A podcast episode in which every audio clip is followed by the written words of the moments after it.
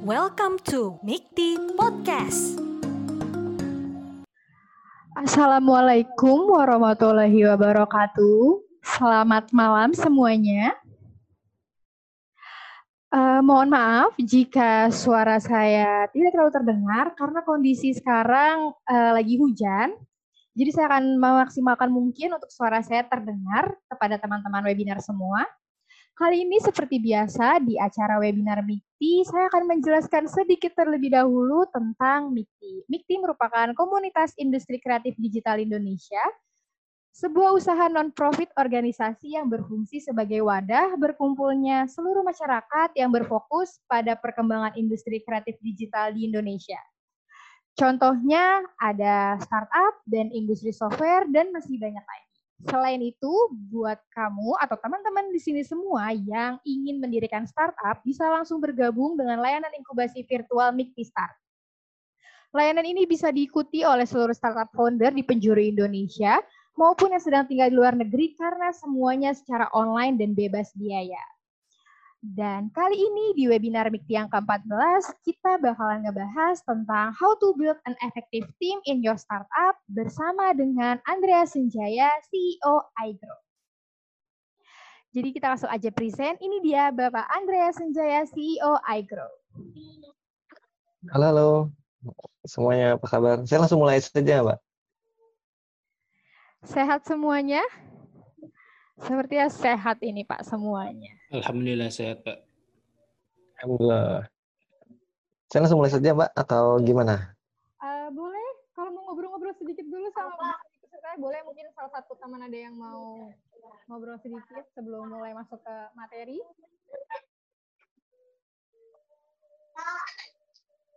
Ini pada tidur nih kayaknya nih Pak. Ya sudah saya langsung mulai saja ya. langsung mulai aja kalau gitu. Oke, ya. Assalamualaikum warahmatullahi wabarakatuh, teman-teman semua. Salam kenal, nama saya Andreas Jaya. Uh, pada kesempatan kali ini, kita akan banyak diskusi ya, sharing-sharing terkait dengan bagaimana cara untuk bisa membangun tim yang efektif, tim startup yang efektif, terutama untuk startup-startup yang masih berada di fase early stage, fase validasi, fase pre-MVP. Jadi, Uh, sebagai perkenalan, aktivitas saya sehari-hari di sebuah startup di bidang fintech namanya iGrow. Itu adalah sebuah startup yang membantu para petani untuk mengakses modal dengan uh, mudah, dengan murah, dan juga dengan cepat. Selain di iGrow, saya juga punya beberapa perusahaan lainnya yang bergerak semuanya di bidang uh, teknologi. Ada Badrut Interaktif, itu adalah sebuah perusahaan software house yang membangun berbagai macam aplikasi mobile dan juga web.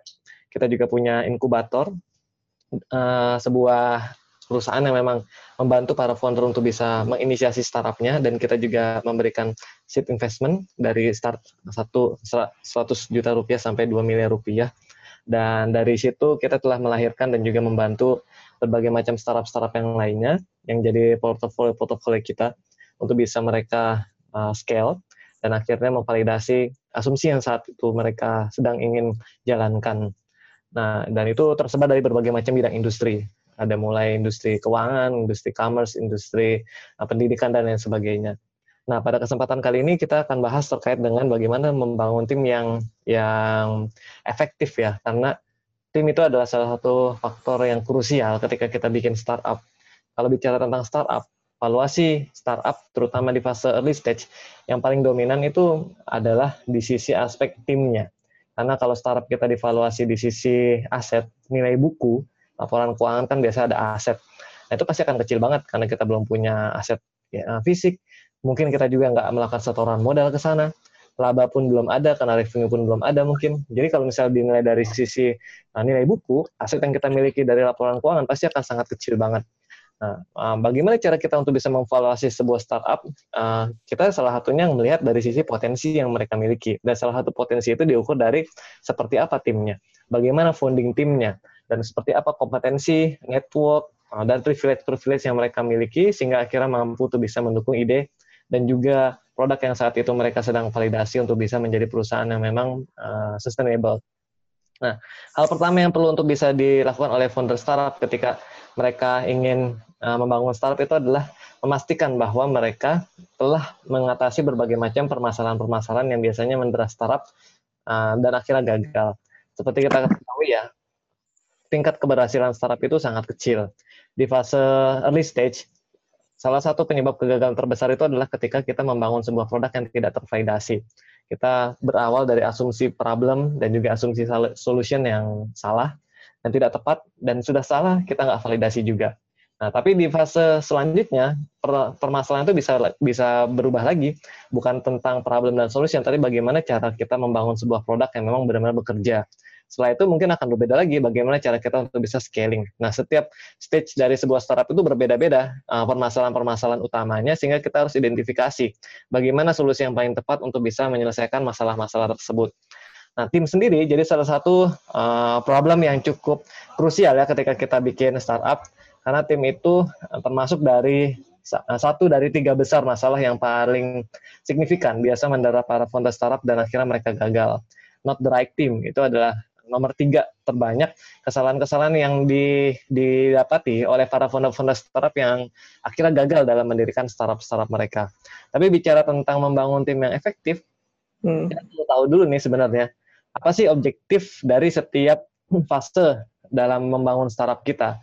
Sehingga akhirnya kita mengetahui tim seperti apa yang memang benar-benar tepat untuk kita bisa bangun di setiap fase tersebut. Buat teman-teman mungkin yang belum mengetahui terkait dengan fase-fase pembangunan startup, ada salah satu rujukan yang teman-teman bisa gunakan, itu uh, di buku Running Lean karya Asmauria. Beliau um, kategorisasikan perkembangan startup itu jadi tiga fase dan ini menyederhanakan berbagai macam kompleksitas-kompleksitas dalam pembangunan startup. Fase-fase tersebut itu adalah fase problem solution fit, kemudian fase product market fit sampai ke fase scaling. Fase problem solution fit itu adalah fase di mana kita mencari tahu masalah apa sih yang paling krusial untuk kita pecahkan apakah masalah tersebut cukup worth it untuk bisa kita selesaikan, apakah masalah tersebut penting bagi orang yang kita targetkan, apakah kita telah mampu memvalidasi masalah tersebut? Memang ketika diselesaikan mereka bersedia untuk membeli solusi tersebut. Nah ini adalah fase uh, problem solution fit. Biasanya ini adalah fase yang paling awal. Yang tadi saya bilang di masa pre-MVP, di masa fase sebelum produk kita tervalidasi, permasalahan yang paling penting itu yang perlu untuk kita selesaikan adalah memvalidasi masalah dan juga solusi yang kita ingin buat. Nah, setelah fase uh, problem solution fit ini selesai, kita akan masuk ke fase yang kedua yaitu product market fit. Product market fit ini adalah bicara tentang apakah produk yang kita bangun itu bisa dicintai oleh user. Dicintai bukan hanya sekedar fungsinya membuat orang itu suka dan dia mau untuk pakai lagi, tapi juga tentang bisnis modelnya, revenue streamnya, apakah memang bisa fit dengan uh, target market yang kita tuju. Kalau misalnya bisnis model kita itu adalah revenue, uh, adalah subscription, apakah subscription itu nanti akan mampu untuk bisa membuat orang tertarik untuk memakai produk kita dan membayar jasa dari produk kita. Ini bicara tentang product market fit. Kalaupun misalnya mereka membayar, apakah pembayaran tersebut adalah pembayaran pertama dan terakhir bagi mereka? Ataukah pembayaran tersebut bisa retain, repeat dari waktu ke waktu? Nah, ini bicara tentang product market fit. Sebuah produk yang sangat dicintai oleh user, yang mereka willing untuk membelinya, yang mereka willing untuk membayarnya, dan mereka repeat dari waktu ke waktu karena memang mereka merasa value yang yang kita tawarkan itu tinggi, itu adalah salah satu indikasi dari product market fit. Nah, baru di setelah produk market kita akan masuk ke fase scaling. Fase scaling ini adalah fase di mana kita melakukan aktivitas uh, marketing, branding, uh, ekspansi, buka cabang, hire karyawan yang berlebih dan lain sebagainya. Nah, banyak sekali entrepreneur yang melakukan kesalahan scaling prematur. Jadi belum masalah dan juga solusinya tervalidasi, mereka sudah langsung melakukan aktivitas scaling. Bukan berarti itu salah, cuman akhirnya aktivitas scaling itu nggak efisien karena kita membuang uang untuk melakukan ekspansi untuk sebuah hal yang belum tervalidasi. Datang sih orang untuk mengetahui apa yang kita buat, tapi ketika mereka melihat produknya dan mereka merasa tidak ada value, mereka akhirnya mental lagi. Banyak yang aware, tapi belum banyak yang konversi akhirnya. Nah, tahapan-tahapan ini memerlukan tipikal tim yang berbeda-beda. Jadi ketika kita bicara tentang membangun tim yang efektif, itu perlu untuk diselesaikan juga di tahapan mana sebenarnya startup kita sekarang ini berada. Contoh, kalau saya asumsikan sebagian besar teman-teman di sini masuk di tahapan problem solution fit saat di mana kita melakukan validasi dan juga uh, validasi problem dan juga solusi. Tahapan problem solution fit ini adalah tahapan yang memang menuntut seorang entrepreneur itu untuk bisa melakukan berbagai macam eksperimen, berbagai macam proses validasi. Kalau bicara tentang startup itu adalah fase di mana bisnis kita itu sedang melakukan aktivitas validasi sampai bisnis modelnya tervalidasi dan akhirnya mampu untuk bisa bikin sebuah bisnis yang scalable dan repeatable. Nah, jadi aktivitas paling pertama yang perlu untuk dilakukan oleh seorang entrepreneur itu adalah melakukan aktivitas validasi. Dia harus apa? Dia harus bikin banyak sekali eksperimen. Eksperimennya dalam bentuk apa? Tergantung di aktivitas apa dia saat ini berada. Kalau aktivitasnya itu lagi melakukan validasi problem, aktivitas-aktivitas yang dilakukan mungkin adalah interview. Kalau aktivitasnya sudah sampai membangun prototype, maka aktivitas yang dilakukan itu adalah membangun prototype. Kalau aktivitas yang sudah sampai development product, maka aktivitas yang dilakukan itu pasti sudah sampai ke uh, development product. Kalau misalnya kita masih di fase validasi ya, di fase validasi masalah atau solusi. Nah, tipikal tim yang diperlukan ketika kita berada di fase ini adalah tipikal tim yang agile. Dia cepat Bayangkan kalau misalnya kita bikin sebuah eksperimen, melakukan interview, dan dibutuhkan waktu dua bulan, nah itu kelamaan. Nggak ada kecepatan di dalamnya. Paling nggak satu eksperimen itu bisa kita lakukan dengan cycle dua pekan. Dua pekan satu eksperimen, dua pekan satu eksperimen, sehingga akhirnya makin banyak eksperimen yang kita mampu untuk lakukan, dan akhirnya makin banyak nih learn yang kita akhirnya dapatkan. Insight yang kita bisa dapatkan langsung dari customer yang kita wawancara atau kita validasi.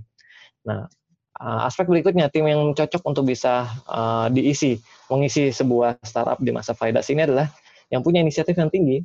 Bayangkan kalau misalnya seorang founder tidak punya inisiatif yang tinggi, dia hanya menunggu, maka otomatis tidak akan ada tuh kesempatan datang. Karena yang namanya startup itu nggak bisa tuh kalau dia nggak ketok pintu duluan. Nggak bisa kalau dia yang nggak minta tolong duluan. Nggak bisa kalau dia yang nggak mempublikasikan duluan. Nggak bisa kalau misalnya dia yang nggak menawarkan duluan, karena orang belum kenal dia, dia masih belum punya kredibilitas, dia juga nggak nggak belum memiliki bukti. Jadi harus harus dia yang melakukan inisiatif duluan. Kalau kita pengen jualan, maka kita yang hubungin calon uh, pembeli kita. Kalau kita pengen fundraising, maka kita yang menghubungi calon investor kita. Kalau kita pengen partnership, maka kita yang menghubungi calon partner kita. Nah, harus ada inisiatif yang tinggi. Beda mungkin dengan tim yang memang sudah berada pada fase mature saat di mana mereka sudah dikenal, sistem mereka sudah proven, um, revenue mereka sudah stabil, mungkin inisiatifnya itu tetap butuh, cuman akhirnya akan lebih banyak inisiatif yang datang ke dalam organisasi mereka dibandingkan dengan inisiatif keluar organisasi mereka. Makin banyak orang yang ngajak kerjasama, makin banyak orang yang menawarkan partnership, dan lain sebagainya. Nah, tim di masa validasi ini dia juga harus tangguh, karena dia pasti akan mengalami berbagai macam kegagalan nggak bisa tuh kalau kita melakukan eksperimen, kita nggak mau ngambil paket kegagalannya dan hanya mau ngambil paket seneng-senengnya aja. Karena dalam melakukan eksperimen, sepaket itu eksperimen yang gagal, ya di situ ada pelajaran. Eksperimen yang berhasil, di situ juga ada pelajaran. Tapi biasanya orang hanya siap menerima keberhasilan, tapi nggak siap untuk menerima kegagalan maka diperlukan nih orang yang memang tangguh nih.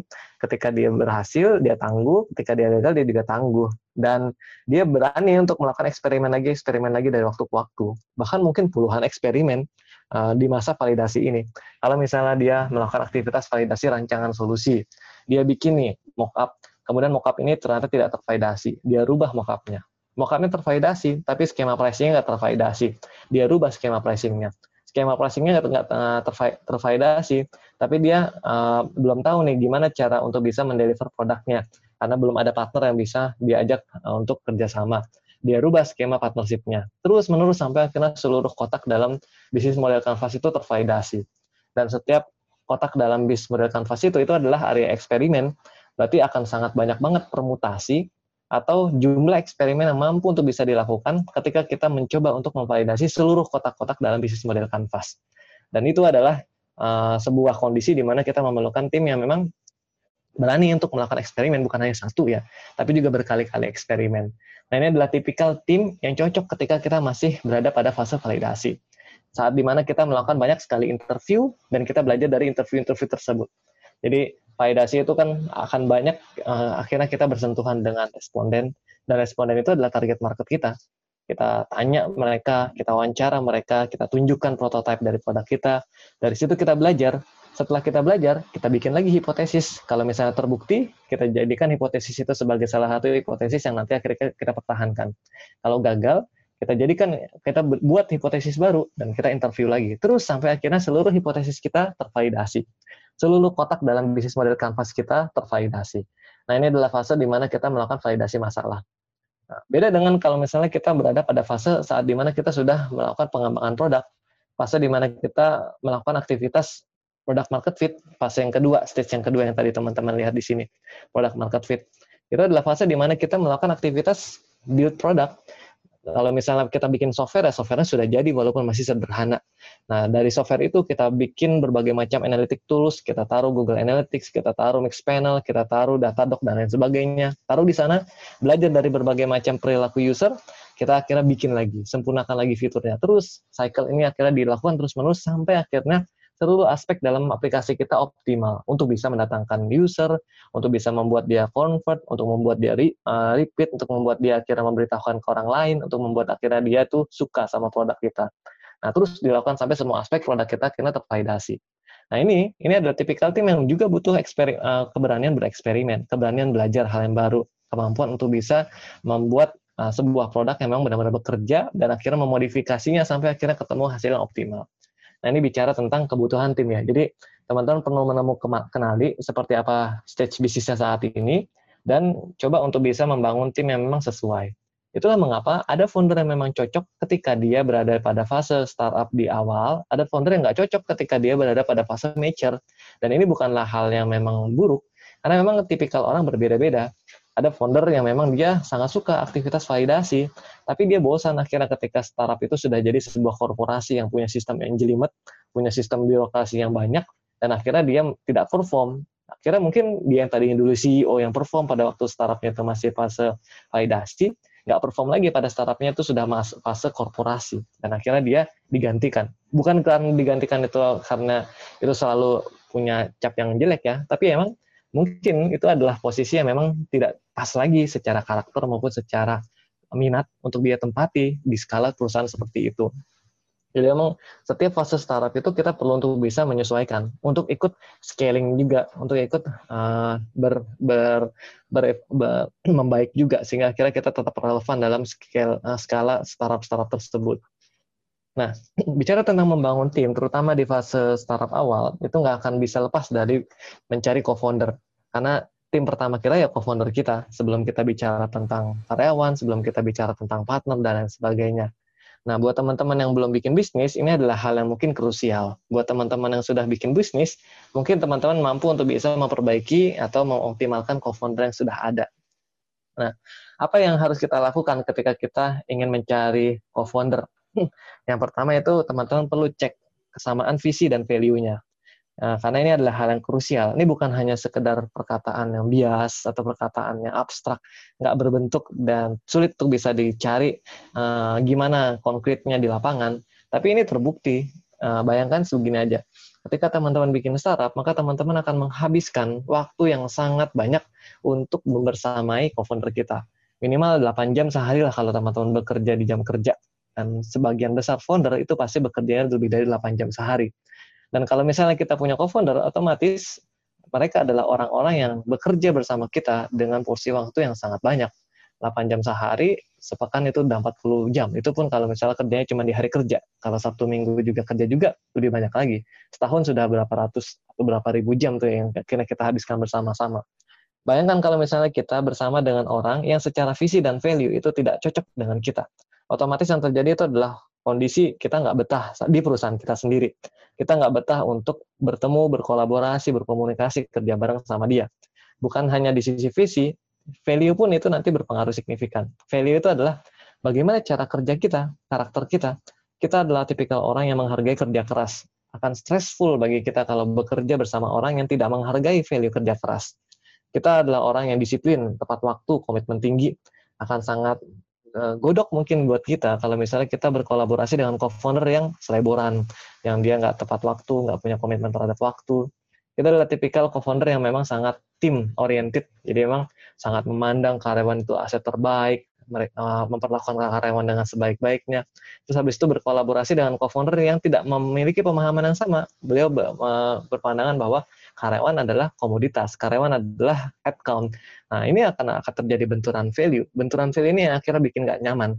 maka pastikan di awal-awal perjalanan sebelum teman-teman deal, bersepakat untuk menjadikan seseorang sebagai co-founder, pastikan kalau visi dan value yang bersangkutan itu sama dengan kita. Gimana cara memastikannya? Interaksi sama dia. Coba kerja bareng, coba untuk bikin berbagai macam kegiatan bareng. Kalau misalnya ketika kita bersama dengan dia beraktivitas itu kita nyaman, bisa menghabiskan waktu berjam-jam ngobrol, bertukar pikiran, kita kerja bareng itu nggak bosan sama dia, itu adalah indikasi kalau misalnya mungkin value dan visinya itu sama dengan kita. Minimal value lah. Kalau misalnya visi kan bicara tentang tujuan, aspirasi hidup dia dan sebagainya. Nah, selain visi dan value, yang perlu kita pertimbangkan adalah skill.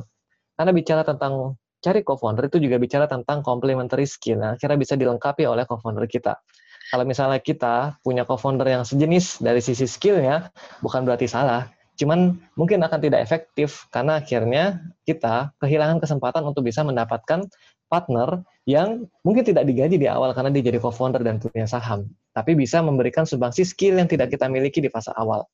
Kalau kita jago ngoding, maka bekalilah uh, perusahaan kita dengan co-founder yang bisa melengkapi dari aspek bisnis.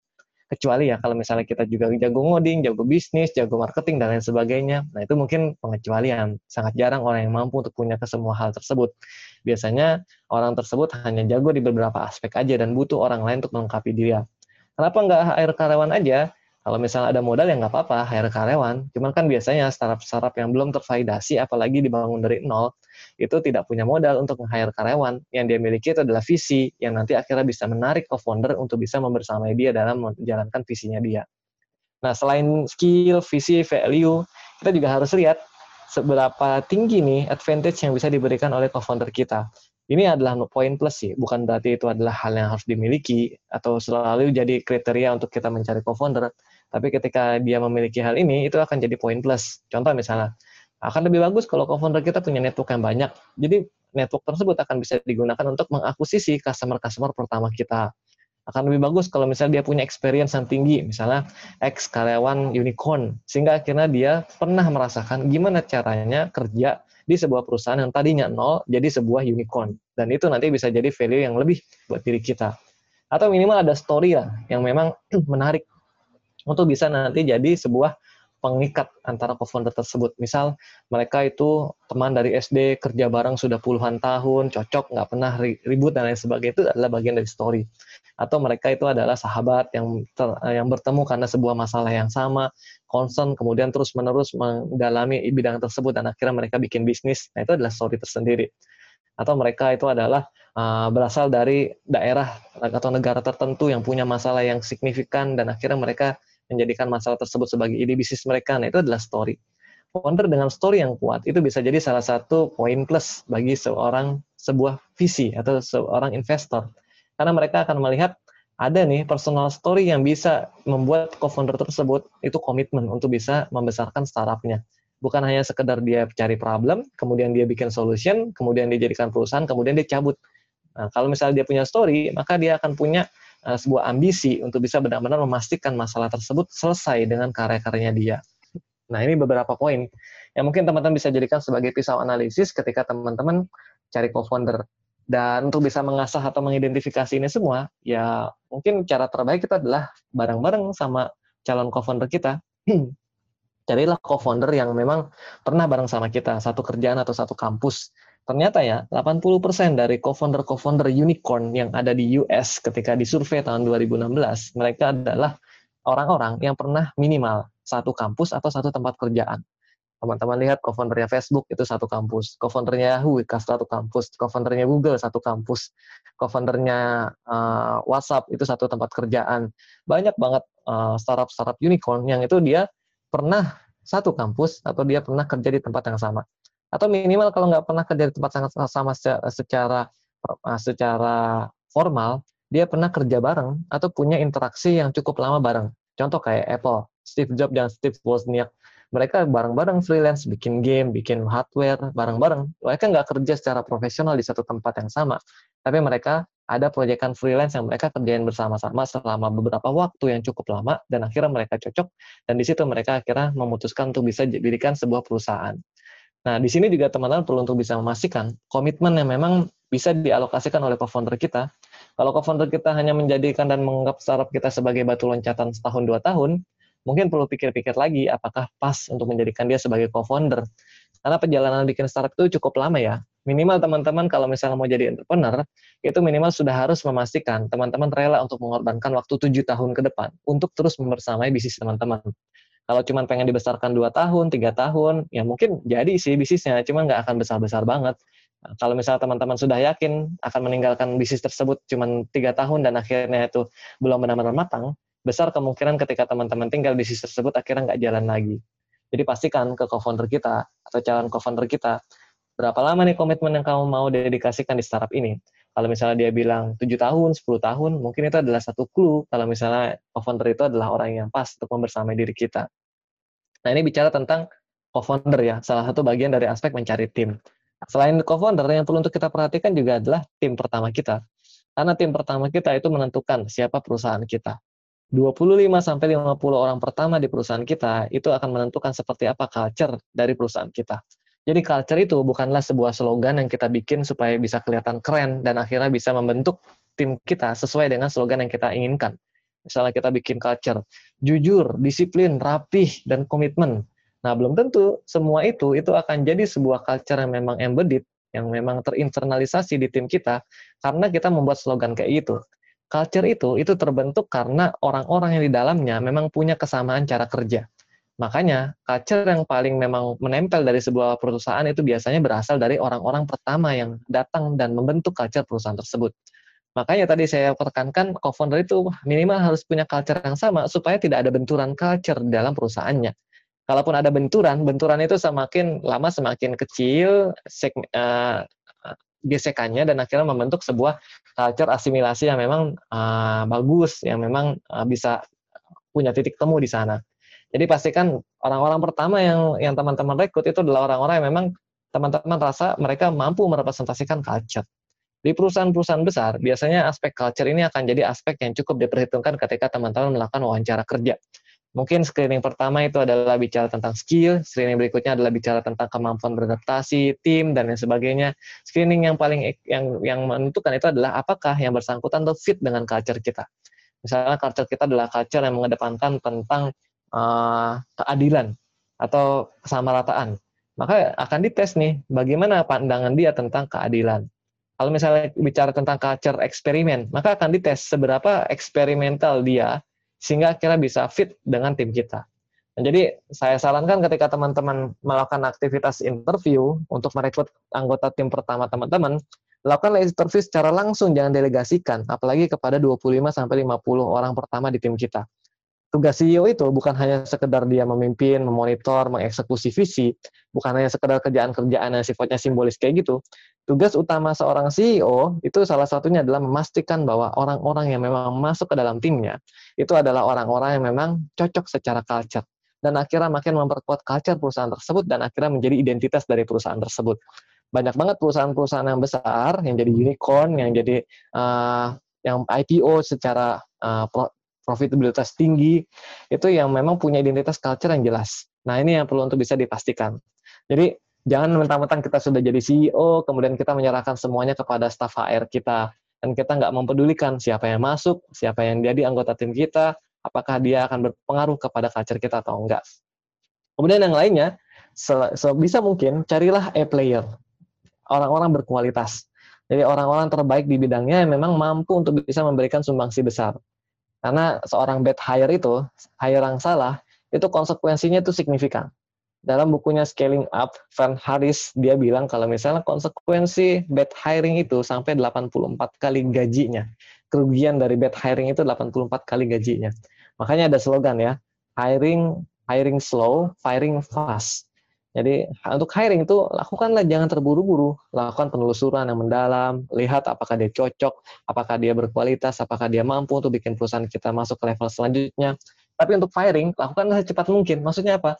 coba lihat interview, eh, lihat monitoring kinerjanya. Kalau misalnya emang nggak nggak cocok di hari-hari awal di probation, ya langsung eh, mungkin langsung kasih feedback. Kalau nggak bisa juga untuk diperbaiki dari feedback tersebut, ya mungkin itu adalah perpisahan bagi kita dengan yang bersangkutan.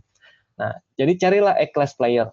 Dan biasanya akan lebih mudah mencari A-class player ini ketika kita masih berada di kampus, atau yang bersangkutan tuh masih belum selesai studinya, atau yang bersangkutan belum terdeteksi oleh perusahaan-perusahaan yang besar karena akan sulit untuk bersaing dari sisi benefit, gaji, dan lain sebagainya ketika orang tersebut sudah terbukti sebagai A-class player.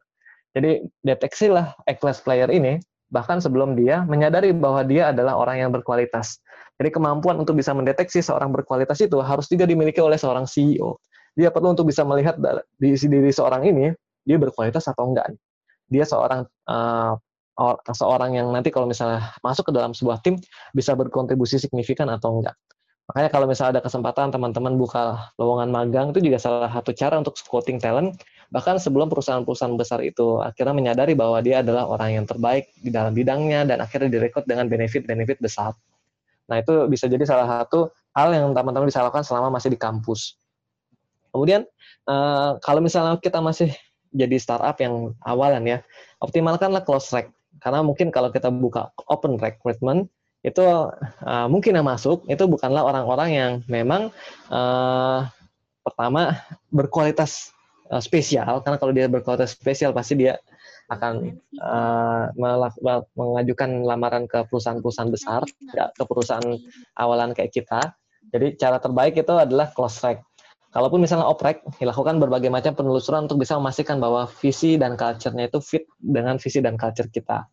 Yang berikutnya adalah optimalkan masa probation. Jadi kalau ada probation tiga bulan, yang benar-benar tuh manfaatkan sebagai sarana untuk bisa drilling, untuk bisa melakukan screening, untuk bisa memberikan feedback. Jangan sungkan-sungkan kalau misalnya orang masuk ke tim kita, bahkan di pekan pertama kita langsung berikan feedback kepada mereka.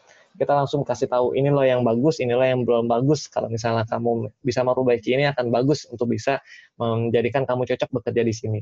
Nah, karena kebanyakan orang itu nggak menyadari bahwa performa dia jelek, karena dia nggak dikasih tahu. Orang diam-diam aja biasa-biasa aja tapi ternyata ketika masa probation selesai dia nggak dilanjutkan. Nah ini nggak fair sebenarnya buat orang tersebut. Memang kalau dari sisi aturan ya sah-sah saja untuk perusahaan tidak melanjutkan sebuah masa probation atau kontrak.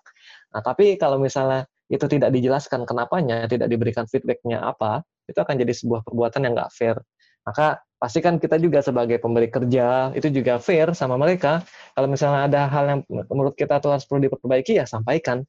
Sampaikan dengan evidence yang memang benar, sampaikan dengan pembawaan atau penyampaian yang memang bagus yang tidak tidak menyakiti perasaan yang yang tetap menjaga norma-norma yang ada. Nah, itu akan jadi sebuah input buat dia sehingga dia tahu kalaupun misalnya tidak dilanjutkan probasinya dia sudah mengumpulkan berbagai macam feedback yang telah kita berikan dan itu jadi sebuah sebuah peristiwa yang tidak menguras emosi karena banyak ya aktivitas-aktivitas firing, aktivitas uh, mengeluarkan pemutusan hubungan kerja baik di masa probation, masa dia kontrak ataupun masa dia jadi karyawan tetap itu yang akhirnya berakhir dengan drama. Karena apa? Tidak ada transparansi dalam performa yang bersangkutan, dalam feedback yang bersangkutan. Tidak ada aktivitas coaching. Nah ini jadi bahasan selanjutnya nih tentang kalau dia tidak sudah jadi tim, lakukan ritual-ritual ini, berikan konstruktif feedback yang memang rutin, aktivitas regular coaching dengan yang bersangkutan, bukan hanya coaching tentang dimonitor aja target-targetnya, tapi juga coaching tentang pengembangan dirinya. Kita concern pengembangan dirinya dia, karena perusahaan kita ini itu adalah bagian dari perjalanan dia untuk mencapai sebuah tujuan tertentu. Maka pastikan dengan kehadiran dia di sini, kita juga mampu untuk memenuhi ekspektasi dalam pengembangan diri yang bersangkutan sama OKR dan KPI monitoring. Banyak sekali startup-startup yang saya perhatikan yang akhirnya miss dalam mencapai target karena sesederhana monitoring KPI atau OKR-nya itu tidak rutin dilakukan. Monitoring cuma dilakukan pertama di awal kuartal untuk merencanakan dan di akhir kuartal untuk bisa melakukan evaluasi. Di antara tiga bulan tersebut tidak ada aktivitas monitoring sama sekali. Berjalan aja seperti layaknya air mengalir. Nah ini adalah sebuah sebuah hal yang bisa diperbaiki sehingga kalau misalnya ada aktivitas OKR atau KPI monitoring yang disiplin yang memang reguler itu nanti akan jadi sebuah sarana bagi seluruh anggota tim kita untuk melakukan assessment bagaimana kinerja mereka? Apa yang sudah bagus apa yang belum bagus apa yang sudah yang perlu dipertahankan apa yang perlu untuk diperbaiki dan apa yang belum ada dan perlu untuk dimulai. Nah ini nanti akan jadi sebuah input yang objektif untuk bisa jadi sarana perbaikan diri dari tim kita. Jadi bicara tentang efektivitas tim itu bukan hanya sekedar bicara tentang merekrut, tapi bicara tentang bagaimana mengelola. Bagaimana tentang kita mencoba untuk bisa mengoptimalkan potensi-potensi yang telah ada untuk bisa semakin uh, optimal untuk memberikan keuntungan bukan hanya buat perusahaan tapi juga buat yang bersangkutan. Karena bicara startup, aset terbesarnya adalah orang. Kita nggak nggak beli kantor mungkin, kita nggak bikin nggak beli banyak mobil misalnya, kita nggak beli tanah, tapi gitu. yang yang krusial dari startup itu adalah bagaimana cara kita untuk membangun produk dan membangun produk itu itu bicara tentang seberapa berkualitas SDM, bicara tentang seberapa bagus kerja timnya, bicara tentang seberapa cepat improvement dari masing-masing uh, orang-orang yang ada di dalamnya. Yap, itu mungkin ya pengantar dari saya terkait dengan materi kita kali ini. Uh, masih ada waktu sedikit untuk uh, tanya jawab. Mungkin ada beberapa case atau beberapa pertanyaan teman-teman ingin tanyakan. Silakan uh, sampaikan mekanisme seperti apa nih Mbak di kolom komentar atau raise atau gimana nih? Jadi uh, ini uh, saya bacain yang ada di kolom chat. Nanti bisa langsung jawab boleh. Bapaknya mau dikumpulin atau mau satu jawab satu jawab? Soalnya ini aja, ya? pertanyaannya lumayan panjang-panjang nih rata-rata. Oh, ini ada di chat ya? Iya. Saya baca sendiri aja deh. Ah, bu, benar nih Pak, nggak saya bacain aja nih, saya bacain aja Pak, nggak apa-apa. Oh. Jadi di sini ada yang nanya nih Pak, uh, namanya Uma. Jadi lagi ikut program Problem Solution Fit karena awalnya punya ide tapi nggak ada tim. Kemudian random ngajak orang dari komunitas programmer. Dapat dua orang setelah ikut program ngerasa kurang solid. Jadi kalau misalkan dari bapaknya sendiri nih dari Pak Andres gimana sih solusinya? Karena ngerasa kurang solid dalam timnya. Yap yap.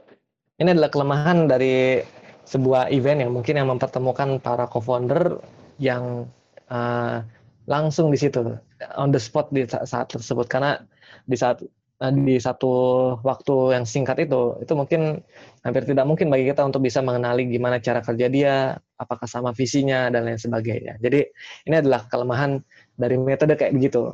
Kalaupun misalnya teman-teman akhirnya ikut program-program yang mencari co-founder langsung di saat itu juga itu mungkin perlu untuk bisa melakukan aktivitas reassessment lagi komitmen dan juga kecocokan di antara teman-teman. Jadi emang akhirnya nggak berakhir kepada itu kondisi nggak ada komunikasi tiba-tiba hilang akhirnya berantem dan lain sebagainya. Nah itu bisa kita kita minimalisir dengan cara kita bikin kesepakatan di awal. Mungkin di saat ini kita jadi dari tim bareng di event ini, cuman belum tentu nanti akan terus kayak begini. Kalau misalnya memang ternyata uh, dirasa tidak ada kecocokan dan mungkin komitmennya kurang. Jadi ketika emang ada satu orang yang memang komitmennya tidak bagus, ya di situ dia sudah tahu kalau komitmennya nggak bagus ya otomatis nggak lanjut. Di sisi kita jadinya nggak enak, uh, jadinya tidak akan tidak enakan untuk bisa mem membiarkan dia keluar dari tim. Di sisi dia juga sudah mulai menyadari sendiri kalau misalnya emang dengan performa seperti itu, maka ya dia akan punya konsekuensi yang yang dia harus terima. Jadi masing-masing pihak akan bertanggung jawab satu sama lain. Nah kalau saran saya kalau misalnya udah ada orang yang memang nggak perform, dikomunikasikan secara terbuka aja. Pertama mungkin klarifikasi kenapa, apa yang bisa dibantu, apakah mau berkomitmen untuk lebih baik lagi. Kalau misalnya ternyata ada etikat baik, mungkin bisa dicoba lagi. Tapi kalau misalnya ternyata nggak ada, nanti mungkin bisa diakhiri langsung. Kalau misalnya gitu, eh, berkenankah kalau misalnya kita nggak lanjut lagi sebagai co-founder, saya nanti akan cari co-founder lain untuk bisa melanjutkan ide saya. Jadi bisa cari lagi mungkin anggota tim atau co-founder yang lainnya yang memang bisa punya kapasitas programming atau development produk untuk bisa diajak bareng-bareng lagi masuk ke dalam timnya teman-teman.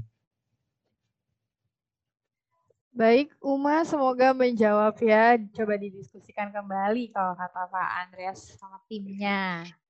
Nah, ini selanjutnya boleh Pak, pertanyaan selanjutnya? Yap, yap. Boleh, jadi di sini ada yang nanya lagi nih Pak kalau untuk pertama kali ingin membangun sebuah startup itu idealnya tim apa yang harus ada duluan? Dari minimal kalau di Liasta. Hmm, di awal itu minimal adalah orang yang punya kapasitas untuk bikin produknya dan orang yang punya kapasitas untuk melakukan aktivitas bisnisnya. Minimal dua dua hal itu ada yang memang menambahkan dengan orang yang punya kapasitas dari sisi desain. Uh, walaupun itu masih bisa digabungkan dengan orang yang punya kapasitas dari sisi produk. Apalagi kalau misalnya di awal perjalanan biasanya itu uh, faktor user experience mungkin akan akan lebih minim dibandingkan dengan faktor memvalidasi masalah atau solusinya. Jadi seminimal minimalnya adalah punya kapasitas di sisi bisnis dan punya kapasitas di sisi uh, produk. Tinggal mencari aja apakah itu dimiliki oleh satu orang atau dimiliki oleh lebih dari dua orang sebenarnya. Yup, yup. Oke, baik. Semoga menjawab tadi yang nanya Claudius Liasta ya. Uh, ini bisa lagi Pak? Ada lagi nih yang nanya? Yap, silakan. Uh, nanya kayak gini. Partnernya orang yang sevisi. Jadi dari etnogotani. Uh, nanya partnernya orang sevisi, tetapi saat ini dia belum bisa memiliki waktu luang. Ada job desk-nya dia ini adalah job desk operasional. Sedangkan sayanya di bisnis, etnogotaninya ini di bisnis saat ini dia lagi berbakti ke orang tuanya karena sakit. Baiknya gimana ya Pak? Nih pertanyaan. Ya, kondisi terbaik sebenarnya adalah uh, mengkomunikasikan secara terbuka. Jadi menyampaikan ekspektasi masing-masing. Kalau di sisi kita ekspektasinya itu adalah partner yang memang full time, partner yang memang punya komitmen full ya, bukan lagi sambil kerja atau bukan lagi sambil aktivitas yang lainnya, kita sampaikan kalau misalnya di sisi dia ada ekspektasi kepada kita juga dia sampaikan. Nah, kalau misalnya ada titik temu itu bagus. Jadi masing-masing pihak akhirnya punya ekspektasi yang sama. Misalnya disamakan, misalnya ekspektasi dari sisi berapa jam kerjanya, dari sisi targetnya dan lain sebagainya. Tapi kalau misalnya nggak bisa ketemu, di situ juga akhirnya kita merasa bahwa oke okay, kalau misalnya nggak bisa ketemu ya daripada masing-masing pihak saling menyakiti satu sama lain, lebih baik diakhiri saja di di lebih uh, sedari awal. Nah, jadi ini bicara tentang konteks komunikasi, menyampaikan ekspektasi satu sama lain. Kelihatannya mudah ya menyampaikan ekspektasi, tapi banyak loh orang yang nggak mampu untuk bisa melakukan hal ini. Banyak dari kita yang mungkin nggak enakan untuk menyampaikan apa yang ada dalam pikiran kita, Begitupun juga ada orang yang tidak empati dan dia menyampaikan begitu aja ceplos-ceplos tanpa memikirkan bagaimana perasaan orang yang diajak untuk berkomunikasi. Jadi saran saya coba ambil waktu yang pas dengan situasi mood yang memang bagus, kemudian saling berkomunikasi secara terbuka satu sama lain dan cari jalan tengahnya atau titik temunya. Kalau misalnya bisa ketemu, syukur. Uh, mungkin nggak ideal di waktu awal sampai di batas waktu tertentu, tapi kalau misalnya bisa terpecahkan di waktu itu juga, itu akan lebih baik lagi. Semoga menjawab ya yang tadi nanya. Intinya sebenarnya komunikasi. Karena sebenarnya emang komunikasi jantung dari segalanya. Semua harus dikomunikasikan supaya ada jalan keluarnya. Ini masih bisa bertanya lagi, Pak? Iya, silakan, silakan. Jadi ini ada pertanyaan dari uh, grup chat webinarnya uh, Misi. Uh, pertanyaannya kayak gini Pak, bagaimana untuk menghindari salah dalam menerima karyawan baru pada startup baru? Dan jika ternyata kita terlanjur menerima orang yang salah, bagaimana kita harus menyikapinya Pak? Sebenarnya hampir tidak mungkin kita mampu untuk bisa menganalisis, menjustifikasi, dan juga melakukan seleksi yang sempurna pada masa uh, open recruitment atau proses rekrutmen dari seorang calon karyawan. Karena itu nggak bisa dilakukan hanya dengan proses wawancara atau bahkan tes kerja sekalipun. Bahkan ada yang pakai tes personality, tes kepribadian, dan lain sebagainya itu juga akan sulit. Nah, salah satu cara terbaik itu adalah kerja bareng sama yang bersangkutan. Makanya ada beberapa perusahaan yang menerapkan dalam salah satu seleksinya, proses seleksinya adalah kerja bareng selama sepekan.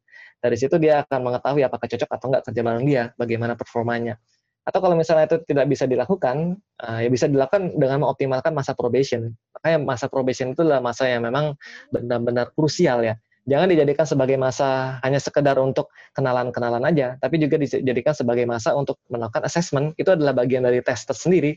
Kalau misalnya selama masa probation itu ternyata kita sudah berikan feedback berkali-kali, ternyata nggak ada improvement, sudah kita kasih tahu mana yang memang perlu untuk diimprove, tapi dia juga tidak melakukan aktivitas-aktivitas yang berarti dalam melakukan perbaikan. Nah, mungkin kita juga tegaskan, uh, nggak hanya sekali, tapi beberapa kali, kalau misalnya mungkin probationnya tidak akan dilanjutkan. Dan tidak melanjutkan probation itu bukanlah sebuah pelanggaran, itu adalah bagian dari mekanisme dalam uh, aturan tenaga ketenaga kerjaan.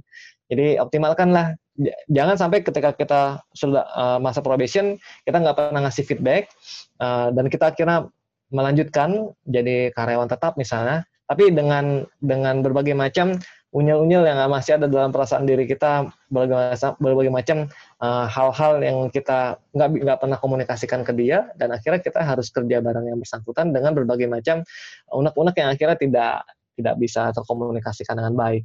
Jadi saran saya yaitu uh, fahami, terima aja kalau misalnya proses seleksi itu nggak mungkin bisa sempurna, tapi bisa disempurnakan dengan menggunakan probation yang memang optimal. Baik, terima kasih Pak. Orangnya lagi dengerin, pasti terjawab ini. Satu lagi boleh Pak? Iya, silakan. Ini ada satu lagi nih Pak, pertanyaan menarik dari Febri Nayu. Uh, Febrina Yu bertanya, pembagian saham dan tanggung jawab di awal yang baik seperti apa jika kami bertiga skillnya cenderung bisnis dan hanya satu yang cukup paham free tools engine. Dan kami bingung kesepakatan seperti apa yang aman dan bijak untuk kemungkinan jika salah satu dari kami mundur di tengah jalan, Pak. Sedangkan bisnisnya belum ada revenue dan profit. Yep. Nah, uh, ini mungkin ya yang perlu untuk diperhatikan di awal. Uh, bicara tentang memilih co-founder, itu kita juga bicara tentang jumlah, bicara tentang skill yang dimiliki dan sumbangsi yang dimiliki. Uh, kayak uh, kalau misalnya tadi kita mungkin ya belum tak tahu apa yang diperlukan skill untuk bisa membangun produk tersebut, maka pastikan kita sudah mengidentifikasi apa aja sih resource yang kita perlukan untuk bisa membangun sebuah produk dan diperlukan beberapa co-founder untuk bisa melengkapi hal tersebut sebagai puzzle-nya. Nah, jadi mulainya dari sisi kebutuhan dulu, bukan mulainya dari oh saya sudah kenal uh, kamu, kita udah bertiga atau kita udah berempat, oke okay, kita bikin bisnis bareng, baru habis itu kita define kamu bagian apa, kamu bagian apa, kamu bagian apa. Jadi adanya adalah proses mencocokkan. Nah, tapi kalau misalnya emang sudah kadung kejadian, nggak mungkin kan, oh saya baru dengar nih seminar dari Kak Andreas, kalau misalnya ini bukan cara yang baik, kamu saya depak ya dari dari tim saya. Nah nggak gitu juga sebenarnya. Tapi, uh, jadi yang perlu teman-teman lakukan sebenarnya untuk pembagian saham itu, kalau misalnya mengacu kepada undang-undang, ya berarti berdasarkan pada setoran modal, itu adalah aturan yang memang legal, formal ada di Indonesia. Tinggal tanya berapa setoran modal yang kamu bisa berikan untuk bisa menentukan berapa besar saham. Cuman ya biasanya dan sebagian besar para founder startup itu bikin startup nggak berbasiskan pada setoran modal karena mungkin nggak bawa modal sama sekali, bawanya cuman uh, waktu, energi, ilmu, pengalaman dan lain sebagainya yang sulit untuk bisa diukur. Nah, bicara tentang hal-hal kayak ini itu adalah bicara gimana kesepakatan kita. Ada pendapat yang memang mengatakan bahwa nggak masalah kalau misalnya saham itu dibagi rata selama semuanya punya sumbangsi, punya tanggung jawab, punya beban yang memang setara jangan sampai ada satu orang yang sangat perform banget dan sangat penting banget, tapi yang lainnya itu nggak ada dia pun itu nggak ada pengaruh apa-apa ke dalam tim kita. Bahkan nggak ada dia justru malah lebih mengenakan buat kita, lebih melegakan buat kita. Nah, bisa diakses dari sisi itu. Bikin aja sebuah matriks yang nanti akhirnya merepresentasikan beban kerja, kapasitas, skill, dan lain sebagainya. Teman-teman berikan bobot, teman-teman scoring satu sama lain, dan di situ nanti teman-teman sepakati atau adjust satu sama lain. Kalau misalnya teman-teman pengen ada satu orang key person yang memang dominan, itu juga bisa. Jadi ada satu orang founder yang memang di, dirasa dia adalah key person, kalau misalnya nggak ada dia, itu nggak akan bisa nih kejadian. Kalau misalnya nggak ada dia, nggak akan bisa nih bisnis ini jalan.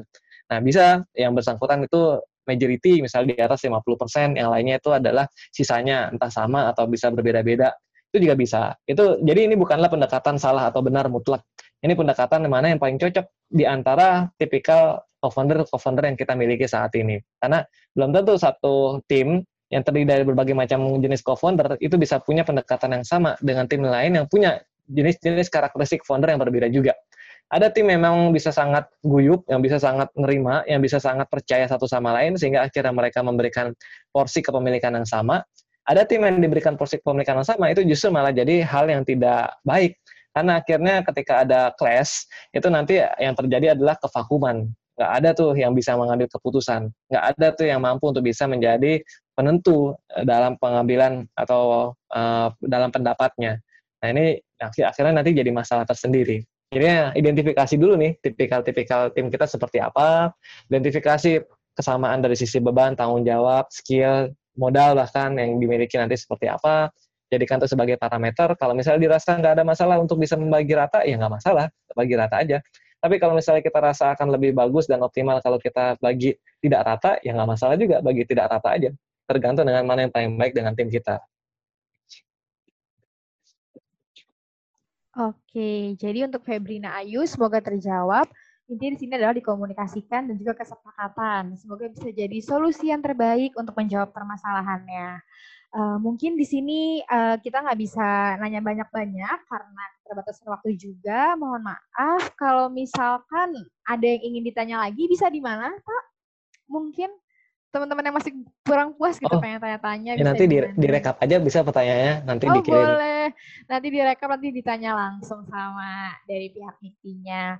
Sebelum berakhir nih, jadi hari ini Mikti lagi kedatangan tamu, kita bakalan dengerin sedikit penjelasan tentang inkubasi virtual Mikti bernama Mikti Start. Mungkin bisa langsung dimulai untuk Mikti Start-nya.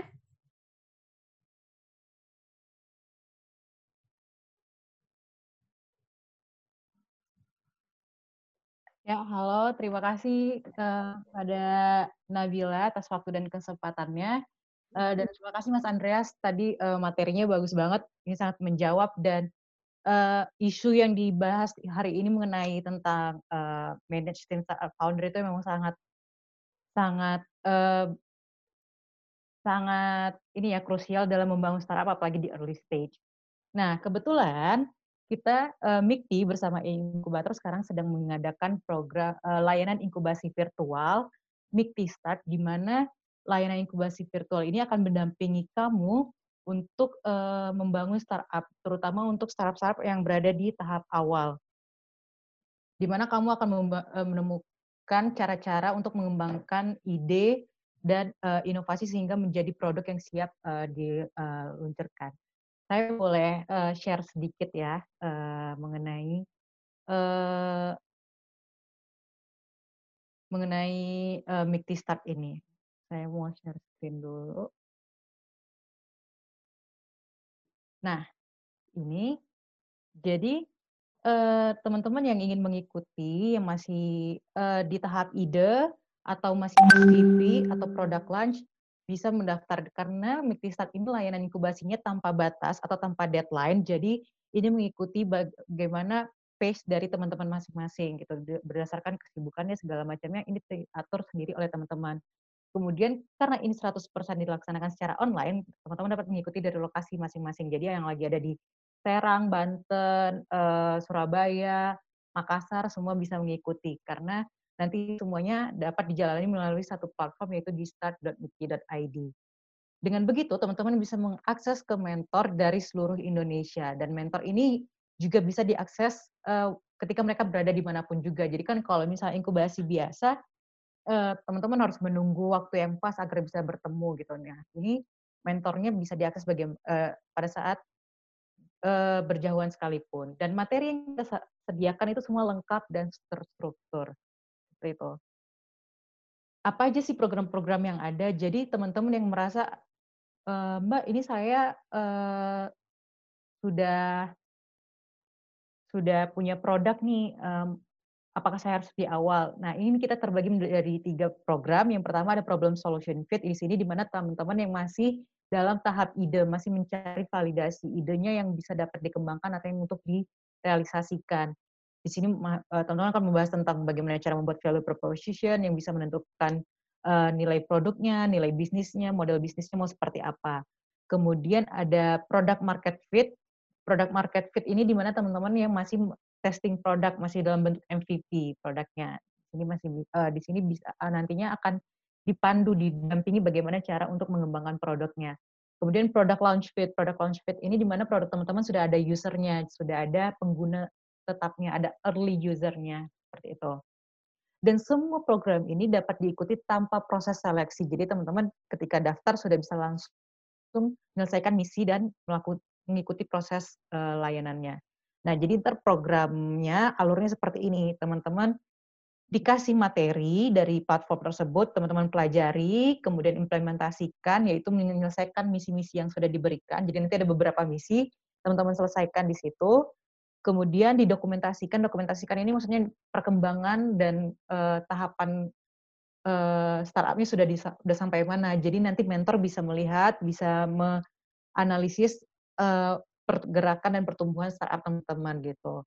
Nah nanti setelah semuanya di kolektif, baru teman-teman bisa mengajukan mentoring. Jadi ketika mentoring tidak belah belah belah belah sudah tahu apa yang ingin dikonsultasikan. Oh ternyata pada saat saya proses pengembangan startup saya menemukan masalah ini, saya menemukan kendala seperti ini atau saya butuhnya ini. Nah, itu bisa dikonsultasikan ke mentornya. Nanti ketika produknya sudah mau launch atau ternyata harus pivot, kalau pivot kembali lagi ke uh, implementasian materi-materi tadi. Tapi kalau ternyata, wah, menurut mentor ini kamu sudah bisa lanjut ke tahapan-tahapan selanjutnya. Nanti ada sesuai, silakan dicek di start.miti.id tersebut. Nah, bagi teman-teman yang startupnya uh, dapat berkembang dengan baik, dengan konsisten, kemudian teman-teman juga memiliki tekad dan persistensi yang baik bersama timnya, kemungkinan di bulan Januari nanti kita akan mempertemukan teman-teman dengan angel investor atau venture capital, korporasi pemerintah atau mitra strategis lainnya, di mana teman-teman akan kami ajak untuk pitching langsung dengan mereka. Tapi itu tadi, seperti kata Mas uh, Andreas tadi, uh, tim yang kuat dan tangguh lah yang akan dicari oleh para investor. Jadi dipastikan tim kamu konsisten dalam mengikuti layanan program ini dan bisa mengembangkan startupnya dengan baik. Karena akarnya pasti dari konsistensi dan tekadnya. Kalau udah konsisten dan mau belajar dan mau berkembang, pasti ntar akan menghasilkan perkembangan startup yang baik gitu dan produknya akan kelihatan. Nah, poin-poin tersebut yang akan menjadi penilaian kami untuk mengajak teman-teman untuk pitching dengan mitra strategis kami. Nah, ini uh, contoh platformnya sekilas nanti teman-teman di sini akan mengerjakan misinya di sini akan kami sediakan kanvasnya, kemudian ada video learningnya segala macamnya. Nanti dicek aja silahkan daftarkan diri Anda.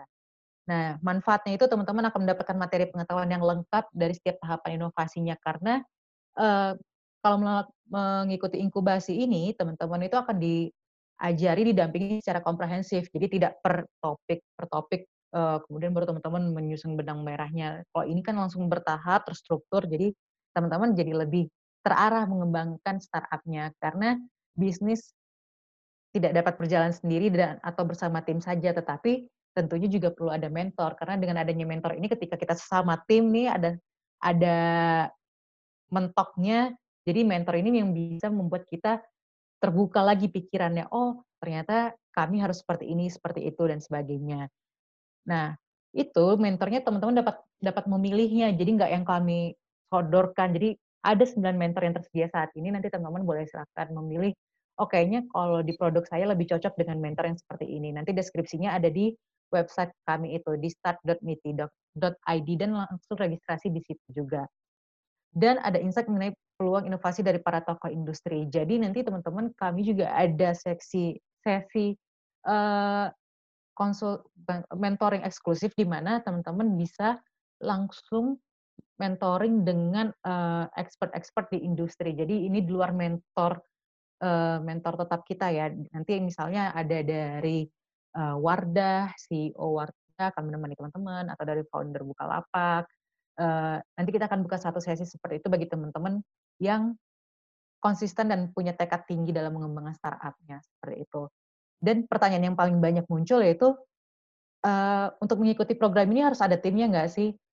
Seperti tadi kita udah dengar dari Mas Andreas, ini salah satu hal yang menjadi krusial dalam membangun startup. Satu dari tiga kesalahan yang sering terjadi dalam pengembangan startup yaitu suka nggak pakai tim gitu kalau mau bikin startup. Teman-teman jadi harus tetap pakai tim karena itu akan menjaga uh, konsistensi teman dan juga untuk membantu teman-teman agile dalam membangun startupnya. Jadi nggak jadi ketika mentok, kalau sendiri kan langsung kayak moodnya turun ya, tapi kalau bareng-bareng kan ada yang saling support, kemudian ada yang membangun inisiatif lagi seperti itu. Jadi kalaupun teman-teman belum punya tim, sudah punya ide, daftar dulu aja. Nanti selama prosesnya sambil berjalan, teman-teman sambil mencari tim seperti itu.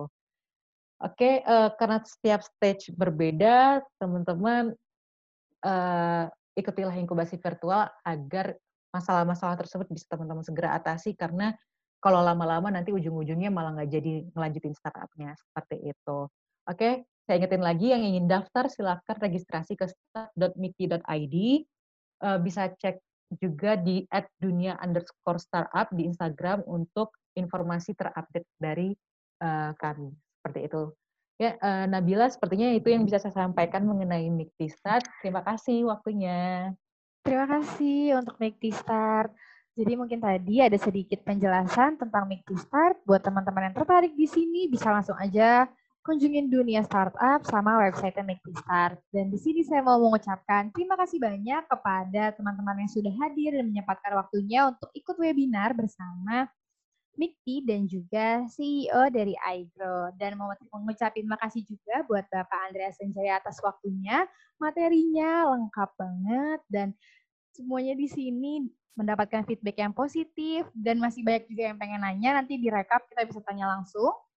Dan untuk materinya nanti akan kami share langsung. Sudah bisa di-share juga materinya dari PPT-nya mau ngucapin terima kasih, selamat malam, dan tetap patuhi protokol kesehatan.